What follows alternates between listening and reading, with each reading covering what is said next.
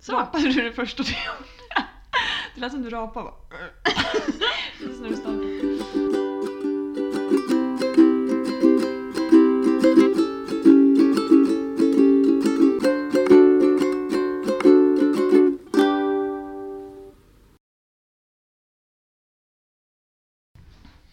Hej Cissi! Hej Frida! Hej, hur mår du? Jag mår bra, hur mår du? Jag mår bra! I ett ganska halvstormigt Malmö. Ja, det är motvind. Mm, åt alla håll. Åt vanligt. alla håll. Ja. Jag har ju börjat jobba igen Ja! och du fortsätter jobba på. Ja, ingen paus. Men när är det du ska ha semester? Ja men om... Ja, nästa vecka blir det då. Ja. Hur känns det att börja jobba innan lärarna? Eh, både och. Det känns ju lite skönt. För då får man vara lite i fred. Men Mm. det känns också lite jobbigt för man eh, sitter mycket ensam. Mm. Och det är inte jag så van vid i mitt jobb. Utan det brukar just vara full fart och mycket folk. När du ser folk, menar du barn då? Jag menar både barn och vuxna. det är inte så mycket barn heller på skolan nu så det är ju, Nej. tänkte säga det är skönt. Men det är ändå, ja, nej, ja, Fast det är det väl ändå? ja det är kanske är lite skönt. Fast de får snart komma tillbaka. Mm. Mm. Nice. Själv då, vad har hänt sen sist? Ja... Jag har haft lite kompisar på besök i Malmö. Just det, från Göteborg. Mm. Vad tyckte Rebecca om stan? Nej men alltså hon har ju varit här innan. Men eh, nu försöker vi övertala henne att flytta hit. Mm. Känns hur- som att eh, Malmö växer på henne mer och mer för varje gång hon är här. Bra. Mm. Vad, gill, vad gillar hon med Malmö tror du? Eh, jag tror att det hon gillar med Malmö är det hon inte gillar med Göteborg. Mm. Det är att det är ganska avslappnad stämning och man behöver inte... Ja, man är välkommen överallt, typ. Mm. Den grejen. Just det. Precis det Det som var en liten diss mot Det- Göteborg. Förlåt Göteborg! Men det är... Ja. Ja men härligt. Hoppas hon flyttar hit. ja. Alla ska flytta till Malmö. Alla! Hej Monica, välkommen hit! Hej, tack så mycket. Hej mamma! Hej Cissi! Ja, idag har vi Sissis mamma på besök. Ja. Som är rektor på en skola i Rosengård. Det är en ära att få vara här hos er. Ja, det är en ära för oss att ha det här. Wow. Vi ska prata lite om Rosengård idag. Mm. Ett eh, ganska omdebatterat, omtalat, ökänt område i Malmö. Mm, och jag, det är också lite speciellt för mig för jag har ju liksom följt resan från att du liksom fick jobbet till vad du har liksom utvecklat skolan till idag. Eh, och, eh, så jag, jag har ju min bild av ditt jobb. Det ska bli väldigt kul att höra hur du skulle beskriva ditt jobb. Mm. Spännande. Men först och främst så, liksom Rosengård som, som område är ju väldigt känt. Faktiskt, på, alltså jag satt på tåget en gång eh, någonstans mellan typ Eslöv och Hör typ. Och då var det en, eh, någon eh, utländsk man, alltså så här, engelsktalande affärsman som eh, satt och pratade med någon eh, någon som satt mitt emot. De verkade liksom inte känna varandra utan, utan de var liksom bara, råkade bara sitta och småprata. Och så säger hon att hon bor i Malmö, varpå han då säger Oh, Rosengård? Typ, That's a bad area. typ något sånt. Och så här, även han då, jag vet inte var han kom ifrån men alltså att, att bara råka höra det på ett tåg, eh, någon businessman som sitter och säger att Rosengård är så här, ett dåligt område. Det är ju känt internationellt också ju. Det stämmer absolut. Det är många, många som känner till Rosengård. Och framförallt när man säger Malmö så säger de åh, är det där Rosengård ligger? Så att det stämmer absolut. Men är det lite också Zlatans förtjänst? Ja, säkert, säkert är det så. Att Zlatan, eh, han, han nämner ju det väldigt ofta i sina intervjuer. Att han kommer från Rosengård just och, och pratar väldigt gott om Rosengård och sin uppväxt. Så att det är säkert så att, att det, det är en del av, av anledningen till att Rosengård är känt. Mm. Men innan du började jobba där, eller så här, när du sökte jobbet där, vad tänkte du om Rosengård då? Alltså jag har ju varit jättemycket i Rosengård på 80-talet när jag var ungdom. Det visste du kanske inte så mycket om. Nej, nej, nej. Vad gjorde du där? Ja, på den tiden så, eh, så var det mycket kroater och eh, italienare som bodde i Rosengård som kom då eh, på 50 och 60-talet till Sverige och jobbade på varvet här i Malmö då och då kom de till Rosengård och eftersom jag då hade väldigt många kompisar som kom just från Kroatien och Italien så, eh, så hängde jag ganska mycket här i Rosengård. Är det sant? Ja. så, att, eh, så Rosengård har alltid haft en, ett speciellt, eh, lite speciellt ställe i mitt hjärta, absolut. Eh, sen har jag kommit ifrån det. Vi har flyttat runt i hela Sverige och eh, sen när jag sökte jobbet så tänkte jag väl inte mer på det mer än att oj vad kul det skulle vara att komma till, alltså vara i Rosengård igen. Eh, Men jag har, jag har inte varit där på, jag hade inte varit där på säkert 25 år när jag liksom sökte jobbet. Oj, har det förändrats mycket? Ja, både ja och nej. Alltså, så, mm, det är ju, befolkningen har ju förändrats såklart. Men inte, inte så mycket som det alltid påstås vill jag påstå. För eh, jag, när jag flyttade till, eller när jag började jobba eh, på Rosengård så gjorde jag en egen liten eh, gallupundersökning. Så jag gick eh, och tittade i, i trappuppgångar. Eh, Mhm. Den ena efter den andra. Jag gick säkert en ja, i- i 30-40 trappuppgångar. Och då kan man ganska snabbt konstatera att, att eh, utifrån namnen då på, på de här tavlorna som är i, i, nere i trappuppgångarna att eh, där är i alla fall, eh, säg att det är tio lägenheter i en trappuppgång så är det i alla fall ett eh, Andersson eller Svensson eller Lindqvist namn, ett svenskt namn. Där är ett namn som man lätt kan härleda då till eh, något eh, ja, Sydamerika eller Italien. Eh, och sen är det något efternamn som man ganska enkelt kan härleda till, till forna Jugoslavien.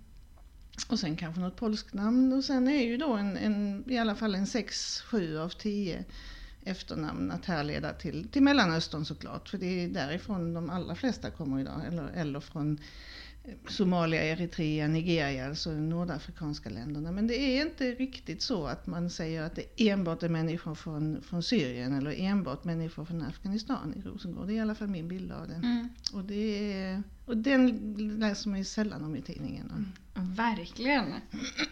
Men hur kommer det sig att alla hamnar i Rosengård? Alla nyanlända? Ja, det är ju ett, ett, eh, det är väldigt, väldigt många bostäder. Jag tror jag läste en siffra på att det är 33 000 människor som bor i Rosengård. Så, Oj! så det är väldigt, väldigt många, många eh, bostäder. Ja. Och då är det klart att då... Eh, Det är typ hela Karlshamn. ja men precis, precis. Ja men så är det ju. Eh, så att eh, i och med att det finns så många bostäder så, så, så är det ju lätt att få en bostad också. Stor omsättning på bostäder. Och det är många, jag tror MKB har, har väldigt många bostäder. Mm. Eh, och sen är det ju såklart att man söker sig dit där man, där man har släktingar eller Mm. någon landsman och så. Så att det, man slussas väl ganska snabbt in i de här stora bostadsområdena då. Varav Rosengård är väl det största i Malmö. Då. Och sen är det ju ganska centralt. Jag brukar alltid säga att Rosengård är Sveriges, eller till och med världens mest centrala förort. Ja men det är ju Det- verkligen, det är härifrån är det ju 10 minuter på Ja, cykel. ja men precis. Och, och jämför man då med, med, med förorterna i, i de andra svenska städerna så, så är det riktiga förorter. Men Rosengård är, är inte långt alltså. Nej. Så det är attraktivt att bo där, tror jag. Ja. Av den, också av den anledningen. Mm. Men eh, mamma kan inte du berätta lite om din, eh, om din skola som du är min rektor skola? på? Mm. Mm, jag är då rektor på Sankta Maria folkhögskola. En folkhögskola är ju en alldeles egen utbildningsform Eh, för vuxna. Eh, man måste vara minst 18 år för att få gå på en folkhögskola. Det finns undantag från det men det är, det är en skola för vuxna. Eh, det finns 156 folkhögskolor i Sverige varav några är väldigt, väldigt gamla. 100, över 150 år gamla. De flesta ligger på landet, har internat till sina folkhögskolor. Det har inte vi, vi är en dagfolkhögskola i Rosengård. Så, de, så, så eh, inga övernattningsmöjligheter eller uthyrningsrum eller så. En folkhögskola har väldigt, väldigt, väldigt stora friheter att eh, bestämma sitt eget kursutbud. Man får alldeles, eh, egentligen själv bestämma inom vissa ramar såklart. Vi är helt och hållet statsbidragsfinansierade. Regionen går, regionerna går in med lite pengar. Men det är i huvudsak statsbidrag. Och, och vi i Rosengård då har, har egentligen eh, tre stycken huvudspår. Vi har då katolska kyrkan som vår huvudman och eh, har då eh, ute på Rosengård har vi det som kallas för allmän kurs. Och sen har vi här inne i centrala Malmö en särskild kurs för människor med, med, med olika former av psykiska funktionshinder. Och sen har vi då en bibelskola också eh, på distans. Så det är de tre huvudspåren vi, vi arbetar utifrån. Om man då tittar på Rosengård så är det då eh, allmän kurs innebär helt enkelt att man kan få att man kan komplettera sin grundskola eller gymnasieskola. Och det är ju då ofta riktat då till svenska ungdomar att, att man får en andra chans helt enkelt. Att, att om man av någon anledning inte har, har fullföljt sina eh, gymnasiestudier så kan man alltså komplettera dem på olika folkhögskolor. Hos oss har det ju då tagit uttryck i att människor kommer från andra länder såklart och, och eh, har då olika skolbakgrund och då får vi ju möta var och en utifrån var de finns i sin, i sin utbildning. Och då har vi en ganska utbyggd SFI-verksamhet som sen de allra flesta då stannar kvar och fortsätter då på grundskola och sen på gymnasieskola. Så det är väldigt, väldigt varierat hur vi, hur vi eh, Alltså kursutbudet är ju detsamma och ämnesinnehållet finns det ju naturligtvis tydliga ramar för. Men man kan alltså komplettera sin gymnasieskola på en folkhögskola. Och på så sätt då hamna i en egen kvotgrupp när man söker till, till högskola och universitet. Ja just det, det gör man ja. Mm. Hur många elever är det? Det beror lite grann på hur man räknar. Eh, här i centrala Malmö på, eh, på det som vi har verksamhetsområde Holmgatan är det 60 stycken ungefär. Mm. På de distansutbildningen då på Bibelskolan då är det väldigt, väldigt många men då är det ju, de läser ju inte heltid. Så.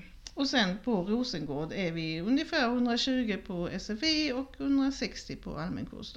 Okej. Och hur ser demografin ut?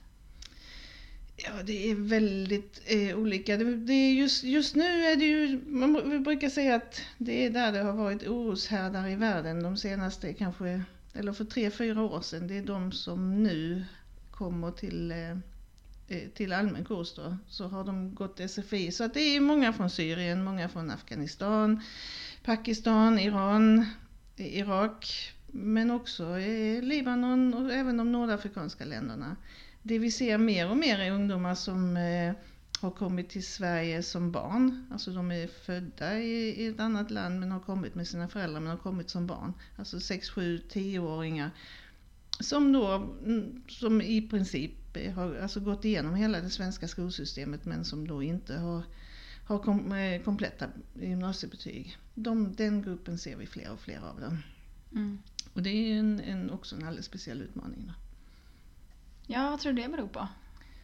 Ja, det är inte annorlunda än någon annanstans i Sverige. Det, det det är, så ju att så. det- Ja, det är alltså ungdomar, fler och fler ungdomar eh, kommer inte igenom gymnasiet helt enkelt. Och så det är samma i Rosengård som överallt annat. Mm. Det är bara det att i och med att man är, det är så tättbefolkat och det är så många som bor där så är det de, Mm. de söker sig till den närmsta skolan och det, det är vi helt enkelt. Då. Men det ser likadant ut på alla folkhögskolor. Mm. Det finns väl för mycket som lockar ut i världen nu för tiden. Kan vara så, inte vet jag. Det är ju, menar, gymnasietiden är ju en ganska jobbig tid för många. Och, Ja, eh, gud ja. Mycket som händer i kroppen och... Ja, men precis.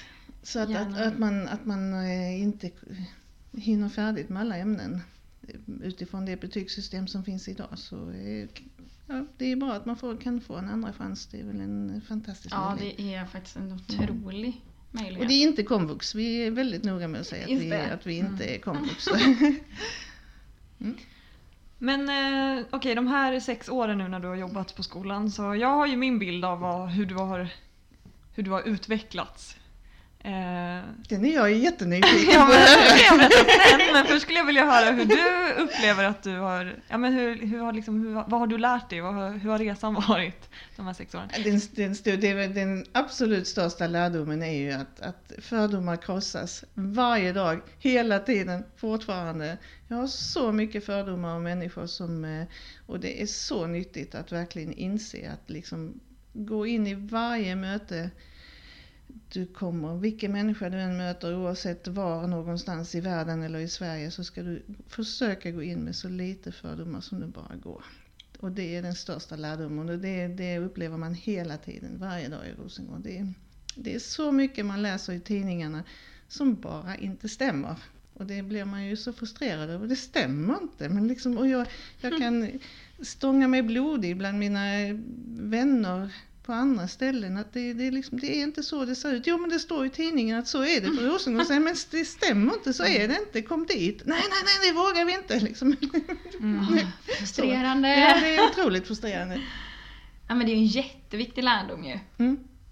Att, Och jag älskar Rosengård. Jag tycker, Ja. jag tycker det är så roligt. Och kommer jag klockan sju på morgonen så, så hälsar folk på, alltså vi hälsar på varandra, man tittar varandra i ögonen. Och Mm. liksom, ja, det gör man inte där jag bor till exempel. Nej. Så att det, det är, det är, alltså man, man blir verkligen upplyft av att gå genom Rosengård. Och det, så det är inte farligt, det är åk dit. ja, precis. Och det är ju fint också. Det är fint, ja. Är, man har ju verkligen lagt ner mycket tid och kraft på att utveckla parkerna och, Mm. och, och lekplatser och mycket. Ja, nej, det är fint.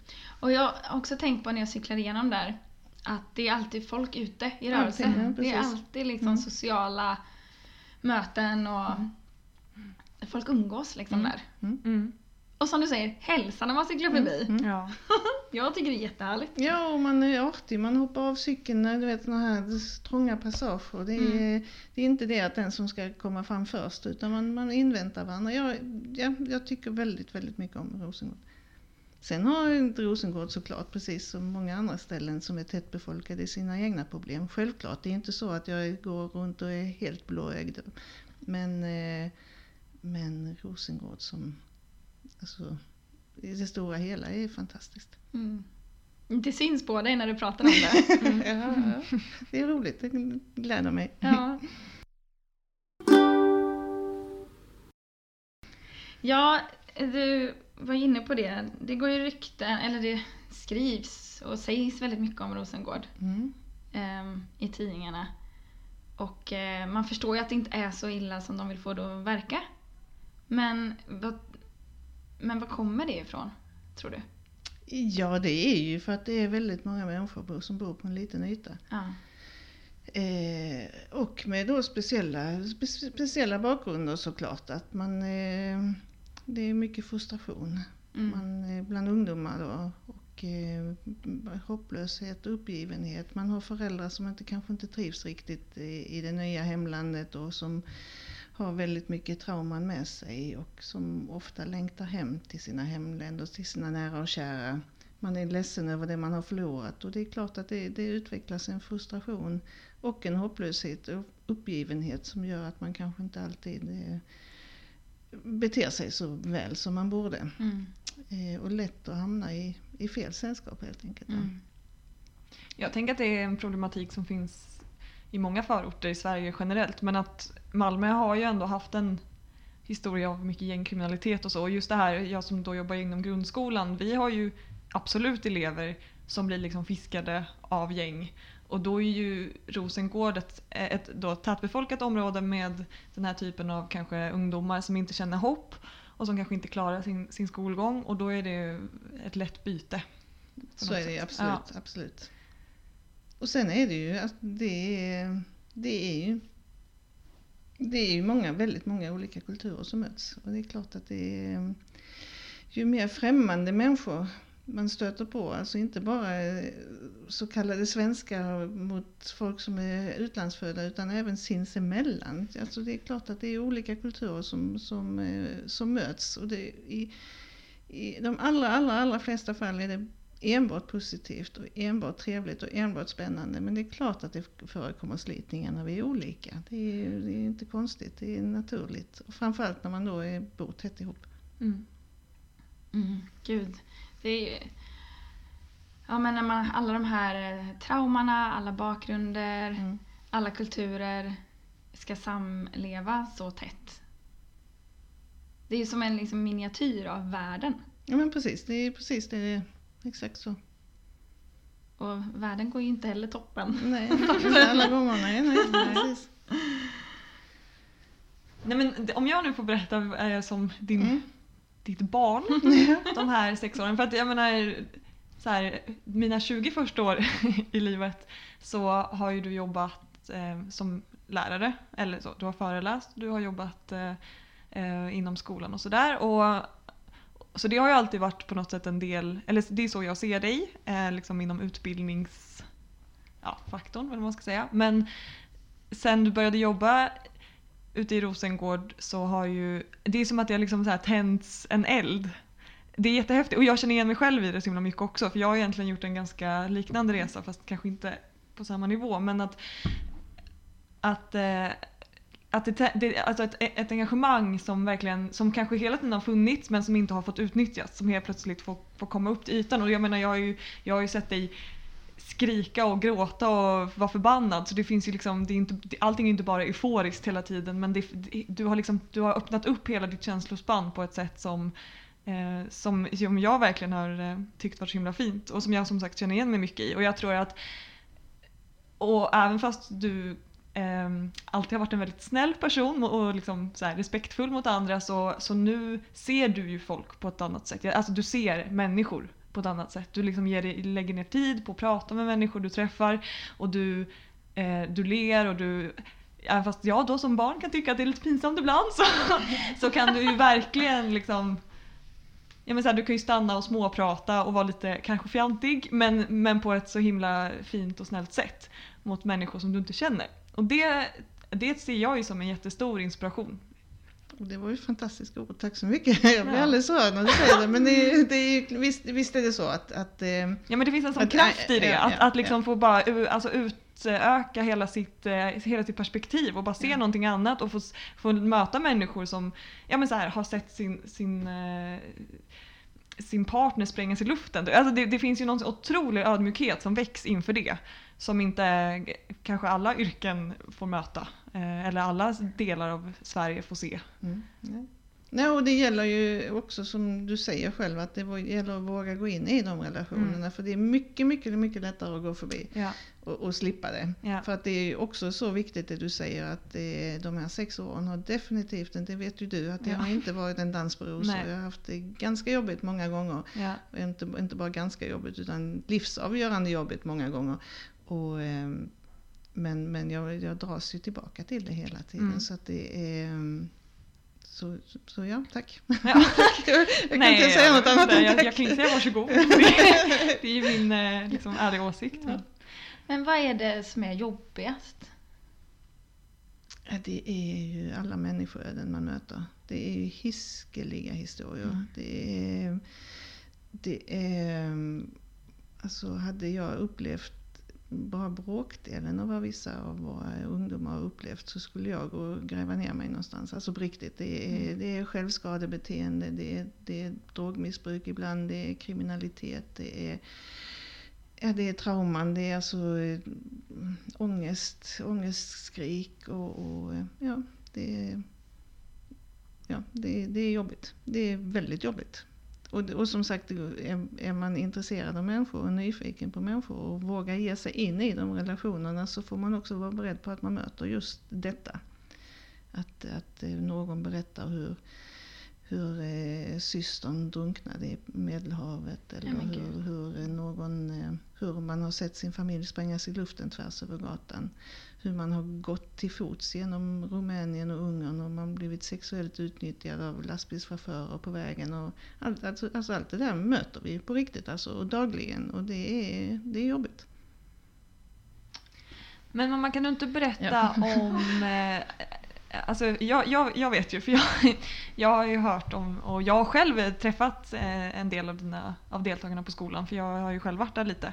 Men eh, men, men kan du inte berätta om något möte som liksom har varit, eller någon, någon person där som vars liksom relation har varit extra viktig för dig eller som har varit extra starkt? Mm, oj, det är, en jättesvår fråga. Ja, det, det, det, mest, det, det mest fantastiska är ju eh, när man kommer till skolan på morgonen och man eh, möter våra deltagare och man möts alltid av ett gigantiskt stort leende och så Hej! God morgon Monica! Är allt bra? Och sen så, och så går man vidare till nästa. God morgon! Allt bra? Mm. Varenda morgon likadant. Alla de här mötena i, i korridoren.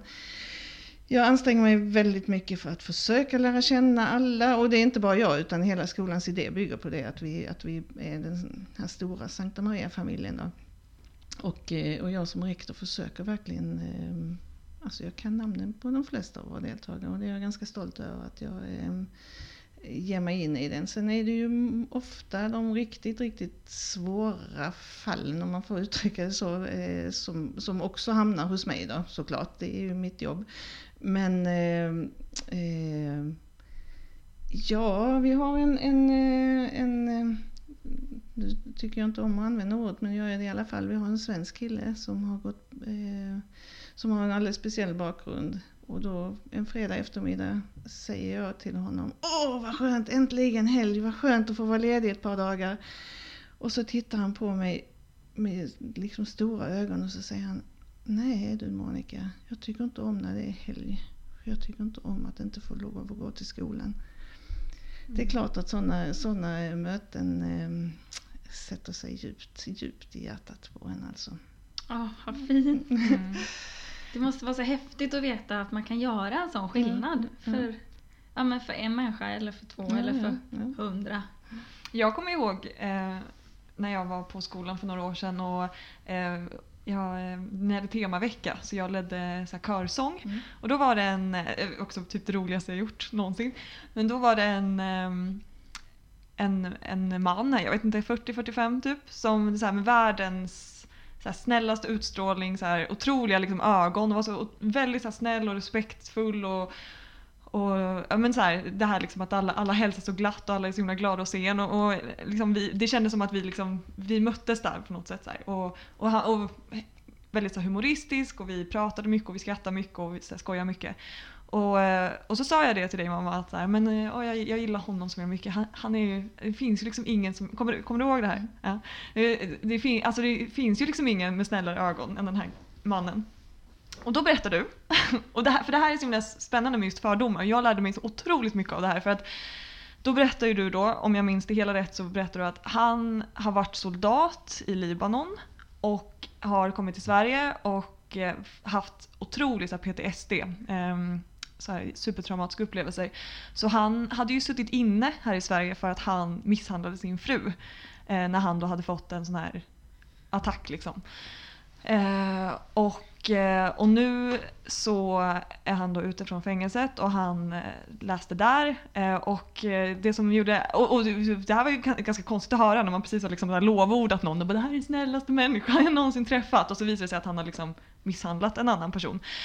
Så, och, och det blev på något sätt så himla tydligt då att alltså, hade man, hade man bara sett en person eller, eller träffat, mött en person som säger ja men jag har suttit i fängelse för jag misshandlar en tjej så hade man ju aldrig någonsin mer kanske pratat med den personen men när man inte visste det och fick det här otroligt liksom, då, då förstår man att det finns någonting annat också. Så här, ja men har man en traumatisk bakgrund så kan en sån sak hända vilket såklart är fel och han har ju suttit sitt straff liksom. Men det var alltså, det, alla de här liksom fördomarna som bara som, som aldrig fick uppstå men som också kom lite efterhand men då var jag tvungen att ta ställning till dem därför att då tyckte jag ju redan om honom så himla mycket och fortfarande, alltså hade jag träffat honom idag hade jag blivit så himla glad att se honom. Alltså det, det var verkligen så här ögonöppnare för mig att det är inte svart eller vitt. Sen så är det ju alltid fel att misshandla någon såklart. Eh, men som sagt, eh, det, var, det var verkligen så här ögonöppnare att Ja. Jo, jo samma, samma tillfälle Cissi när du hade, när du hade den här avslutningskonserten. Då hade, våra deltagare hade konsert för oss i personalen. Så det var eh, ja, en, en 90-100 personer framme i vår, vår eh, samlingssal och så satt det då kanske 20 personer i publiken så det var lite omvända förhållanden. Eh, Men det blev en väldigt euforisk stämning och alla var- jublade och, och sjöng. Och, och så sjöng vi eh, den här He's got the whole world in his hand. Och då fick en av de här killarna som också är också har en ganska jobbig bakgrund ställde sig på pianopallen och hötte med handen och skrek Sankta Maria I love you! det är också ett sånt minne, det var ju samma tillfälle så det var Ja. faktiskt det jag trodde du skulle berätta om. Ja. ja. Nej, nej jag, jag kommer ihåg den här mannen med de snälla ögonen så himla mycket. Och att, Mhm. ja, men just, just det här liksom perspektivet och bara så här, ja men man kan liksom inte heller riktigt döma någon. Eller jag, jag hade dömt honom om jag hade vetat det och det hade jag ju gjort med rätta på ett sätt också ju, för han har gjort någonting fruktansvärt. Men, men det var så himla så här stor ögonöppnare att så här, men för mig var han en så liksom, världens snällaste person. Jag tycker inte heller att man kan döma någon som har gått igenom så Nej. tuffa... Precis. Och han är väl tillbaka med sin fru nu? Ja, Ja. det är han faktiskt. Han har återförenats Så med sina barn också också. Så att, ja. Ja. Nej, men det är svårt att jämföra ja. Våra privilegierade liv. Precis, exakt. Nej men så det var verkligen en sån, det, det kommer jag alltid ta med mig. Hur mycket jag tyckte om honom, eller Ja. tycker om honom. Mm. Nu berättar jag också om ett möte, förlåt nu tog jag över. Nej, det var ju fantastiskt att du fick göra det. Ja. Och så har man typ 20 sådana till typ. Eller så här, det är det som är så speciellt med ja, skolan. precis. Ja. Och då är inte jag där jättemycket, då har jag varit där kanske Nej, senast idag nu när jag åkte med, med bussen till Centralen så då sprang jag på en av våra deltagare som gick på skolan för fyra, fem år sedan. Och, och, eh, och han sa liksom, han, dels en, jättestor kram i, i corona, coronatider till trots så får man en stor, stor kram. Fyra, säkert, alltså var en av de, de första som, som gick ut när jag var där. Och, och, eller när jag hade börjat. Och, eh, och sen så säger han, åh jag minns den tiden, det var den bästa tiden i mitt liv. Och så säger han samlingarna, det är ju alltså den, de samlingarna vi hade varje dag, det, det, det var verkligen Sankta Maria och, och så här. Så det är ju naturligtvis, man blir liksom, oh, wow. Men vad fint att han fortfarande tänker på det. Och... Ja, nej, det är ju jätte, jätte Och kommer ihåg. Och sen många, eller många, men några stycken som har blivit busschaufförer här i Malmö så kommer en buss förbi och så tutar och tutar här så vinkar jättemycket. Så, alltså, nu är jag ju väldigt så här så att jag rör mig så att ni som lyssnar på detta ser ju inte att jag eh, vinkar och har mig här. Du kan vinka med båda händerna. Men det där är ju superspeciellt. Jag kommer inte ihåg särskilt många rektorer jag har haft. Nej. Jo, mellan, låg och mellanstadiet. Henne minns jag. Men det var ing, jag hade ingen relation till henne liksom. Jag. Jag Vår lärare på låg och mellanstadiet, varje gång vi liksom klagar på någonting som man gör på låg och mellanstadiet, man bara skolmaten är så äcklig. Hon bara tänk på barnen i Namibia. Det var det jag kom ihåg av henne. Man skulle alltid tänka på barnen i Afrika för de hade det inte så fett. Nej, Ja. barnen i Afrika har jag hört. Men just så specifikt Ja, Namibia. hon hade nog varit där. Jag, Ja, precis, inte, jag kan inte ut henne. Hon hade nog varit där ganska mycket typ. Så hon hade det som sin referens och det är ju rimligt men så här, vi kunde liksom inte säga, vi kunde inte, vi kunde säga någonting, något lite så här. Vi kanske skulle ha det så här istället. Ja, Namibia. Tänk på Namibia. Okej. Nej, men jag tror ju att det väldigt mycket handlar om att, att eh, jobba, som vi, alltså det är ju inte jag utan det är hela skolan, framförallt lärarna och, och personalen. Vi jobbar ju otroligt mycket med glädje och att ha roligt, att verkligen skratta. Det är enda sättet att öva och, och våga gå vidare i livet när man har upplevt dem. För det räcker till exempel att jag inför hela skolan på en avslutning berättar om, alltså bara säger orden att min mamma gick bort för eh, 15 år sedan. Då börjar liksom 70% av våra deltagare gråta. Alltså, och det är liksom, det, jag är också fortfarande ledsen men inte så att jag börjar gråta liksom bara av att tänka på det. Men, men alltså det är, tårarna och sorgen den är så otroligt nära. Så otroligt nära. Och därför är det ännu mycket viktigare att vi jobbar med glädje, vi jobbar med skratt, vi jobbar med att ha roligt. Och, och hela tiden den här gemenskapen. då.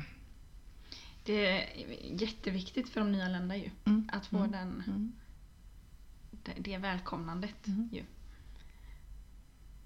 Att trots att de är liksom i ett främmande land, de känner inte så många, men så får de skratta och ha roligt Ja, och träffa är massa andra. Ja. Ja. Och sen det som väldigt mycket är viktigt, det är vårt Lucia-firande varje år. Mm. Det är väldigt, väldigt speciellt. För då är det också från hela världen då mm, eh, ungdomar, vuxna som då tar på sig frangåsekläder, vilket svenska ungdomar inte gör idag. Med en strut på huvudet och en stjärna i handen och Lucia och tärnor med slöja. Alltså riktigt, alltså riktigt, riktigt traditionellt Lucia-tåg där vi sjunger de traditionella Lucia-sångerna, julsångerna och alla klämmer i för allt vad de Ja begär. men ett sånt riktigt svenskt Lucia-tåg. Ja. Och det är fantastiskt. Och, menar, det är, och flera av ungdomarna som är med där, de vittnar ju då om att ja, men i skolan, när jag gick i den svenska skolan fick jag aldrig vara med. Jag tänkte, men varför det då? Nej, det, jag var borta för mycket, jag skolkade för mycket och då fick de inte vara med i Lucia-tåget av den anledningen. Och då äntligen, för första gången i mitt liv, får jag vara med i ett Lucia-tåg. Liksom så. Ja. Det är sån fint. jag brukar undvika. Ja, precis. Ja, men så är det. Ja. Det är otroligt, det är otroligt vackert alltså. Ja. Hade ni inte en, var det inte en manlig Lucia också nu? Eller, eller var det bara snack om det? Jag har att det var en. Nej, Nej, vi har inte haft någon manlig Nej, Lucia. okej. Nej. eller har jag drömt? Ja. Bort. Men däremot Lucia med slöja, Ja. det är ju, eh, så att det, det har ingenting med... Även, vi är ju en katolsk skola och, eh, och jobbar utifrån den katolska pedagogiken och den katolska socialläran men eh, ja, man, religion är i sig en icke-fråga på skolan. Det är ingen som bryr sig om vilken religion eller icke-religion eller tro eller icke-tro. Det, det pratar vi aldrig om, aldrig. Men, och, men i det ligger ju också att man i respekten att ja men finns det en tradition att dansa runt midsommarstången. Nu är, hade vi gjort det om vi hade haft skola på sommaren va? Men nu blir det ju istället att vi har ett luciafirande då eftersom det är mitt i terminen. Och det ligger ju i det att kommer man till en annan kultur så, så ställer man upp på de traditioner som finns. Utan att man för den skull förlorar sin egen identitet och det där är jätteviktigt. Mm. Ja, och just det där, det är skillnad på tradition och tro. Ja men precis, absolut. Mm. Och att man kan, man, kan, man kan ställa upp på traditioner utan, som sagt, att, utan att förlora sin egen identitet, snarare förstärka sin egen identitet. Och det är det som allting handlar om. Att jag ska bli så mycket jag som det bara går och du Frida ska bli så mycket Frida som det bara går. Det, det, det är allt, allt handlar om. Ja, där tänker jag att då, på samma sätt då som eh, Ja men som till exempel då din, eh, alltså, din ödmjukhet inför deras eh, öden och bakgrunder och alltihopa så, så skapar det ju också en, en, alltså en ömsesidig ödmjukhet gentemot då, ja men så här, det svenska samhället eller den svenska traditionen eller vad det nu kan vara, den svenska kulturen och bakgrunden. Eh, och det tror jag också är jätteviktigt. Det, det älskar ju jag att göra, försöka så här, alltså så här, spräcka fördomar om mig. Ja men precis, Ja. Och och ja, precis. Och att man, man, man, det är inte farligt alltså. Nej. Bara för att man eh, lyssnar på någon annan och faktiskt också eh, ställer upp på någon annans traditioner. Det är inte farligt. Sen är jag ju, alltså det här med att eh, spräcka fördomar. Jag ramlade ju dit eh, big time själv för det är något år sedan nu. Eh, Jag träffade en kvinna, det är inte i Rosengård utan i en annan stad. Eh, träffade en kvinna som jag ett- i ett sammanhang som jag satt länge med och pratade med. Hon var från, från, eh, från Syrien med slöja då, det har betydelse i sammanhanget med slöja och eh, och eh, vi satt och pratade länge och jag tyckte hon var en trevlig kvinna men det var väldigt mycket artighetsprat från min sida om jag ska vara helt ärlig mot mig själv. Och sen så tänkte jag ju inte mer på det och sen några veckor senare så går jag över torget i samma stad och så möter jag en kvinna som liksom Hej Monica och, och kramar om mig och, och, och jag tänker vem sjutton är detta? Jag, har, jag har aldrig träffat henne men samtidigt så tänker jag liksom wow vilken tjej alltså. Så häftig, alltså verkligen jag var så imponerad. Och så säger hon ja du känner inte igen mig va? Och jag sa ja jag vet inte riktigt liksom så. Och då var det ju samma kvinna som jag pratat med tre veckor tidigare fast utan slöja. Och jag hade en helt annan bild av henne då. Och det måste jag erkänna för mig själv och det är skitjobbigt att göra det. Eller Mm. jättejobbigt att göra det, att erkänna det för sig själv. Men det, vi har sådana fördomar alltså. Mm. Ändå, trots detta. Och jag brukar berätta om denna händelse för, eh, även på skolan och, och det är att det handlar väldigt mycket om att våga erkänna det Mm. för sig själv, tror jag. Mm. Nej men alla bär ju på fördomar Mm, inom mm, sig. mm. Och det handlar ju inte om att försöka trycka bort dem så mycket som möjligt utan som du säger, acceptera dem. Mm. Och försöka att övertala sig själv på något vis att Mm. okej det här är bara en fördom. Mm. Det här är inte en sanning. För det är jättesvårt, vi, vi föds ju inte med dem men vi, de läggs ju på oss från en väldigt ung ålder. Mm. Fördomar. Och det är jättesvårt att Mm. fila bort det. Det är ju det. Och det här var ju liksom en sån här, alltså ganska li, liten sak egentligen med eller utan slöja. Men det gör ju inte Mm. någon skillnad på en människa. Va? Men ändå så, ja. Så det, Mm. där, det har jag funderat väldigt ofta på faktiskt. Min egen reaktion. Mm. Mm. Ja, för varje gång som man eh, inser och accepterar att man har haft fördom mot någon, så, så öppnar man ju också upp för att då ser man ju den människan istället. Eller så, det, är liksom, det öppnar ju också upp för att man nästa gång inte tänker på samma sätt. Ju. Jag hoppas ju det, att, att man Ja. utvecklas på det sättet Eller om man, om man känner sig lite dum över det så tänker jag att då vill man ju inte göra om det. Nej, nej, men precis. Nej, och har man en gång blivit överbevisad, eller vad man ska säga, Ja, så finns ju det tvivlet inom en. Mm. Som kanske en dag blir starkare än ja men precis. fördomen i sig. Ja, ja men precis. Vad skulle du säga är er skolas, eh, liksom, den största utmaningen som ni har i samhället i stort kanske? Eller också på skolan kanske? Alltså, ut, den stora, stora utmaningen är ju att möta alla människor där de befinner sig här och nu och ta vidare därifrån. Och, eh, man, eh, man kommer ju till Sverige med en ganska tydlig bild av vad man kan göra och vill göra och många drömmer ju om karriärsyrken och hög status och så. Och eh, den eh, har man, inte, har man då aldrig läst engelska tidigare i sitt liv och måste först lära sig svenska som andraspråk och sen också engelska som det då blir ett tredje språk. Om man, är- om man gör det från vuxen ålder och man ska upp till eh, engelska 6-nivå motsvarande då på gymnasiet, alltså andra året på gymnasiet, då har man en väldigt lång väg framför sig innan Mm. man är färdig med, alltså med sin alltså gymnasiebehörighet, alltså inför högskola och universitet.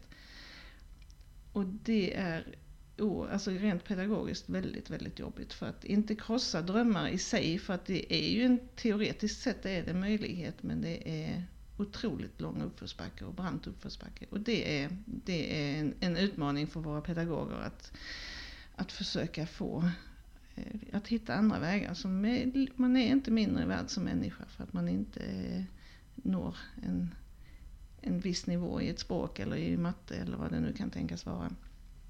Eh, men man känner sig ofta sämre som människa och den, det, det, att, bygga, att hjälpa människor att fatta beslut utifrån mina egna förutsättningar det är en jättestor utmaning. Det är den ena biten, alltså rent pedagogiskt. Det andra är ju det här med att med, med glädjen och att, att eh, våga leva trots att man har, har oerhörd ångest och, och eh, man inte kan sova på nätterna och tankarna bara snurrar och man är orolig för sina föräldrar, man är orolig för sin syster som är kvar och man är orolig för sin kusin som man vet för, för, för, försökte ta sig till Kanada men inte lyckades. Och, alltså sådana, det, det, är- det är ju naturligtvis det är ju sånt som snurrar runt i huvudet på människor hela tiden. Även, oavsett om man har sin, sina föräldrar eller syskon nära eller om man har dem på andra sidan jordklotet så är oron och, och eh, omsorgen är ju exakt densamma. Men det är mycket, mycket svårare när de finns på andra sidan jordklotet. Så, så det är en utmaning. Mm. Att hitta glädje, att hitta mening med livet, att hitta, eh, att, eh, att tycka att det, det, det nya hemlandet är bra. Mm. Ja, ge lite hopp. Precis. För att eh, när de har gått klart sin utbildning Mm. på, på skolan Mm. så finns det ju fortfarande inga garantier ju tyvärr. Nej, precis. Och att man då inte lurar dem att, att tro att eh, Alltså när CSN är slut efter då fyra terminer på grundskola och sex terminer på gymnasieskola så får man inte mer CSN. Regelverket är sådant och har man då inte uppnått en viss eh, nivå på engelskan, ja då kommer man inte in på universitetet eller högskolan. Och vad gör man då? Ja då har man inte kommit ett dugg vidare i livet då, utan då gäller det ju för oss att, att försöka hjälpa dem att se att det finns andra vägar. Alla måste inte bli läkare utan man kan, man kan eh, bidra, man kan eh, ha sin egen försörjning genom att hitta andra vägar som är minst lika bra och som man också kommer att trivas med. Genom att hitta kortare yrkesutbildningar till exempel. Och, men, och det är ju en, en vägledning som vi jobbar väldigt, väldigt mycket med. Mm, Det måste vara svårt att hitta balansen där mellan Att, Att inte krossa drömmar. Ja, exakt. Precis. Men ändå uppmuntra Precis. och, Mm. och stötta. Mm. Mm. Det var Mm. supersvårt. Mm. Och sen är det ju många kvinnor som kommer till Sverige när de är unga då, 18, 19, 20 år. Redan, kanske redan har ett eller två barn och får två, tre barn till när de är här. Och sen kommer de till skolan när de är 27, 28. Och, och, och, liksom, och starka, oerhört intelligenta, fantastiska kvinnor som då ändå har någon form av, av hopp om att ja, nej, men en, en bra utbildning det ska jag skaffa mig för det, det kan man göra i Sverige. Och det kan man, absolut. Men med fem småbarn hemma Mm. och när man är 28 så är det inte det enklaste alltså, även om det går, men det är inte det enklaste. Nej, det är ju svårt för vem som helst. Precis, Ja. precis. Och det kräver också att man har en väldigt stark stöttande partner som eh, sköter väldigt mycket och som också har samma trauman med sig i bagaget och så vidare. och så vidare. Så det, det är verkligen inte enkelt liv för många. Nej. Mm. Var en dystert det här blev. ni, ni måste komma till skolan för det är så himla positivt att vara där, eller hur Cissi? Ja, ja, det är absolut en av mina favoritplatser. Jag har ju till och med liksom kompat ut några timmar från mitt jobb på en skola för att få lite vacation ute på Rosengård och få lite energi. Så att ja, det är en fantastisk skola. Jag vill jättegärna komma Ja, på. du är så välkommen! Mamma har ju redan värvat ut dig Ja, precis. Ja. Kan du inte berätta lite om ert samarbete på, eller samarbete, vad, vad ni jobbar med på Haiti också? Mm, gärna. Det är också nästa sak som jag brinner väldigt mycket för. Eh, Va? Nej, jag skojar. Precis. Eh, jag har ju haft en stora förmån. Min företrädare som, eh, som rektor på Sankta Maria, han, eh, det var en jättestor... Haiti är till att börja med ett av världens fattigaste länder. Jag tror till och med det är det fattigaste Ja, landet. det kan mycket väl vara så. Mm. Eh, 80% av befolkningen är arbetslösa och lever på en dollar om dagen. Så det är, alltså det är en, en, otrolig, en otrolig fattigdom. Men sen drabbades de dessutom år 2010 av en tänkte gigantisk jordbävning. En gigantisk som, som kollapsade hela huvudstaden då. Mm. Och min företrädare han eh, på vinst och förlust åkte till Haiti kände att jag måste göra något. Och eh, fick, eh, det finns en, en lång historia kring detta, men han fick kontakt med en, en, en, en församling och en präst där som då, där skolan hade kollapsat eh, i den församlingen. Och det är en fantastisk berättelse i sig, eller historia i sig eftersom eh, den här jordbävningen eh, Alltså man räknar med att 250 000 människor dog i den här jordbävningen. 250 000 människor. Det är nästan hela Malmö. Ja, precis, precis. Eh, och det som var speciellt var att eh, den var ganska grund under marken, så 6 kilometer under marken. Så att istället för att den här klassiska jordbävningsscenen man ser på filmer, att husen skakar sönder, så kollapsade alla hus då. Och det som är så fantastiskt i den här berättelsen är att eh, den 12 januari som då jordbävningen var, då startar varje år en, en stor församlingsfest som är sju dagar lång. Och alla barnen, skolan ligger alltså bara 10 meter eh, från, från kyrkan då. Och alla barnen var inne i kyrkan plus att det var då eh, 3000 församlingsmedlemmar inne i kyrkan. Eh, och, då och, och själva jordbävningen varade i 32 sekunder. Och de inne i kyrkan, det var ju en fest alltså, de sjöng och det var och gudstjänst. Och eh, de vittnar om att de kände, visst att det kändes att, som att hela kyrkan skakade till. Men, men inte mer. Och sen när de kommer ut så hela området, alltså verkligen hela området runt kyrkan, inklusive hela skolan, var totalt kollapsat. Så hade barnen varit inne i skolan så hade inte en enda överlevt. Alltså. Så det är liksom en, så i hela den här katastrofen, i hela sorgen, så för den här församlingen så är det samtidigt ett enda stort mirakel. Alltså. Mm. Men är vi säkra på att det var en jordbävning eller var det bara festen? precis, precis. När man har riktigt, riktigt roligt. När man Ja, dansar precis, riktigt hårt. Ja. Så, eh, när, och då när skolan eh, då, då har Sankta Maria folkhögskola samlat in pengar för att bygga upp den här skolan igen. Och när skolan då på femårsdagen av jordbävningen invigdes 2015, då var det precis den då när jag tillträdde som rektor. Och då sa styrelsen på skolan sa att det är väldigt viktigt att jag, att naturligtvis min företrädare självklart eftersom det är han som har egentligen gjort hela jobbet, att han eh, åkte dit, men också att jag också åkte dit för att markera att en invigning inte är slutet på ett samarbete utan också är en början på ett, eller fortsättning på ett fint samarbete. Då. Så jag har haft en jättestor förmån att få åka dit några gånger nu. Då. Och, och eh, vi fortsätter, hela skolan här i Rosengård är väldigt engagerade i, i insamlingen till, till, eh, till, till skolan på Haiti. Då. Och eh, våra deltagare de vi, anledningen till att vi då väljer att fortsätta med detta är ju att det är neutralt. Det är eh, inte Mellanöstern med de konflikterna som finns där. Det är inte Balkan, det är inte eh, nordafrikanska staterna utan det är helt neutralt. Då. För annars så skulle det bli liksom spänningar på skolan. Ska vi nu skicka till Syrien eller till, till eh, Somalia? Liksom så, mm, mm. så att det, det är väl egentligen huvudanledningen till att vi fortsätter vara på Haiti. Då. Och eh, det är ju då att man, man anordnar loppmarknad, man har kaféförsäljning, man har olika, olika typer av, av insamlingar ute på Rosengård då, till förmån för barnen på Haiti. Då. Och det är, det är en otroligt häftig del av, av verksamheten. Just för att inte hamna i den här Rosengårdsbubblan.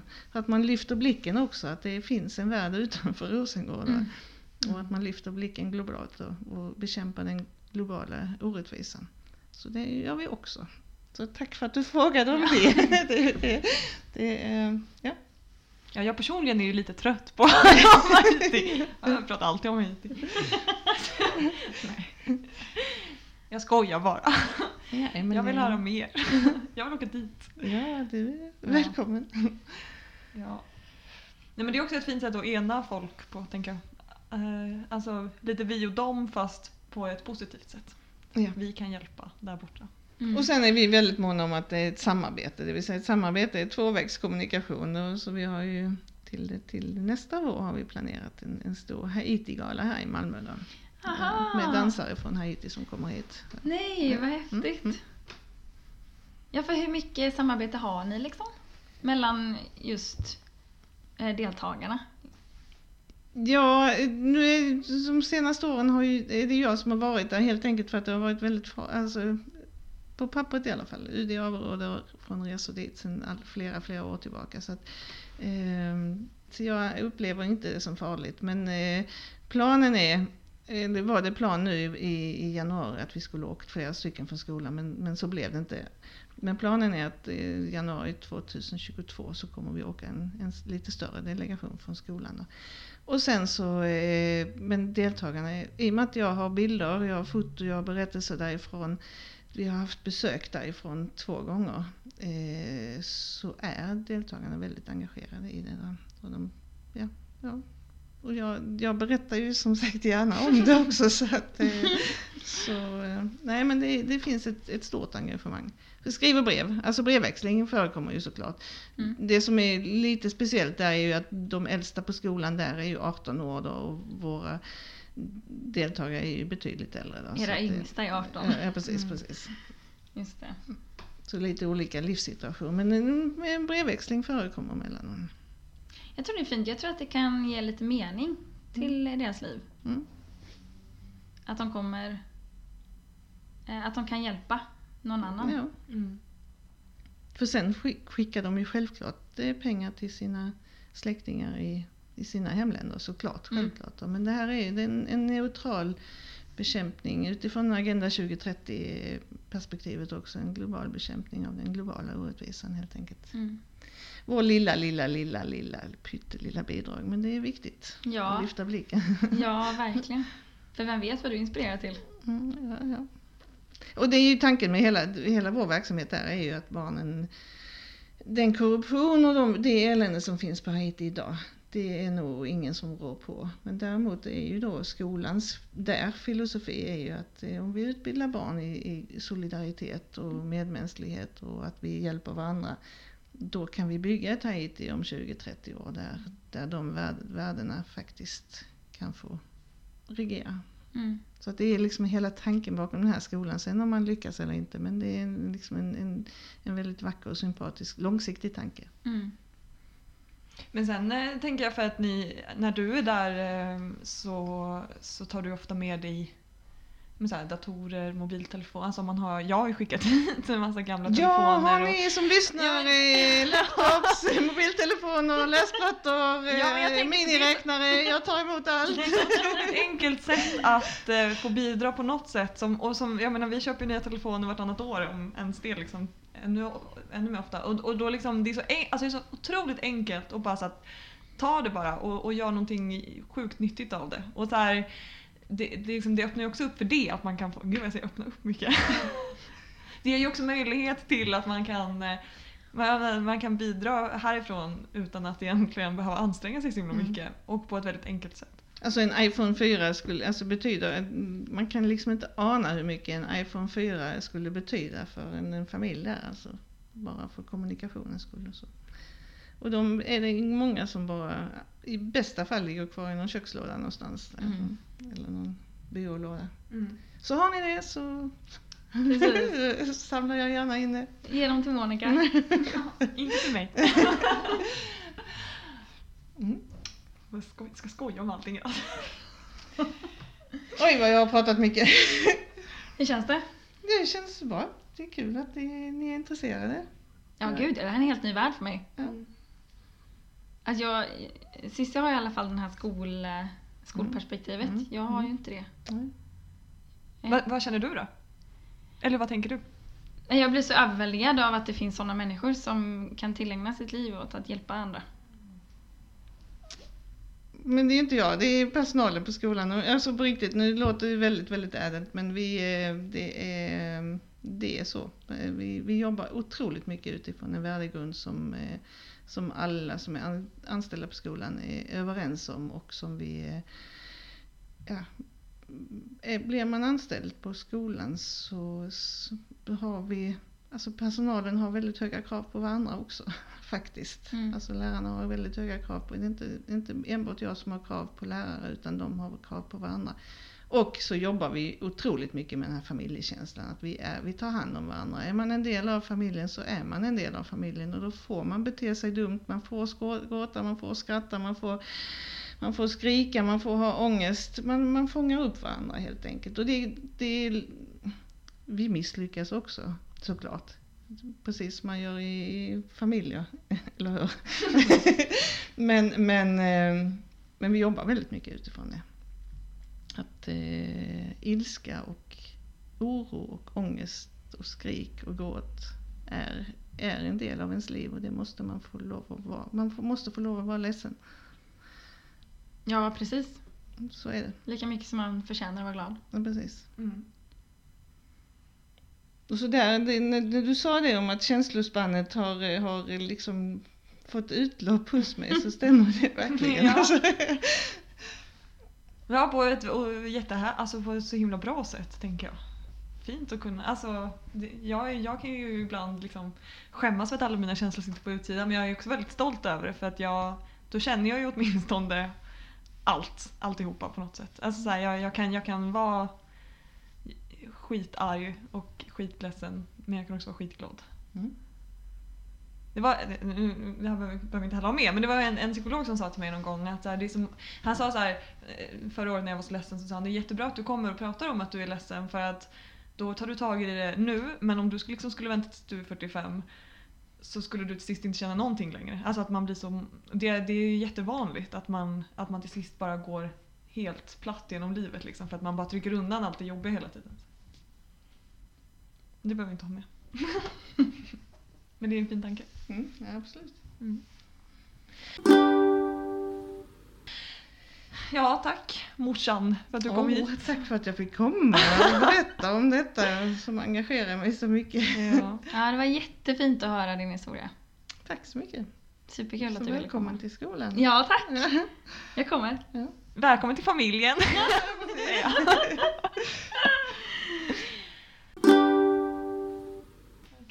Jaha, så det var dagens avsnitt Frida. Ja, det var det. Hur känns det? Det var ganska, ja men, tungt känslomässigt. Mm? Det är mycket. Det är Mycket ja. Mm. Ehm, och ögonöppnande. Mm.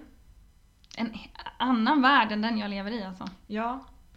Ja, och för det, det kan, eller så här, jag som också är i, i, i samma typ av engagemang och sådär, att, att liksom, ibland kan man också glömma det att eh, alla inte, alla inte har det, eh, alla inte ha, har den vardagen och då är det ännu viktigare tänker jag att vi gör ett sånt här poddavsnitt också. Ja, verkligen. Alltså jag tänker att de flesta som vi umgås med Mm. ser ju inte det här varje Nej. dag. Nej precis. Eller hör de här historierna. Nej. Kommer så nära in på sådana människoöden liksom. Nej precis. Så det är, jag är jätteglad att vi gjorde det här. Mm, jag med. Och, eh, Och ja. tack för att ni lyssnar. Ja, tack ni tre personer som lyssnar. Nej. Men eh, ja, vi hörs väl om två veckor igen då. Ja, det gör vi. Ja, och fram tills dess, så, eller tills dess, så finns vi där poddar finns. Och på Instagram. Och på Instagram, vi poddar om Malmö. Vi poddar om Malmö. Vi hörs om två veckor. Hej då! Hej då!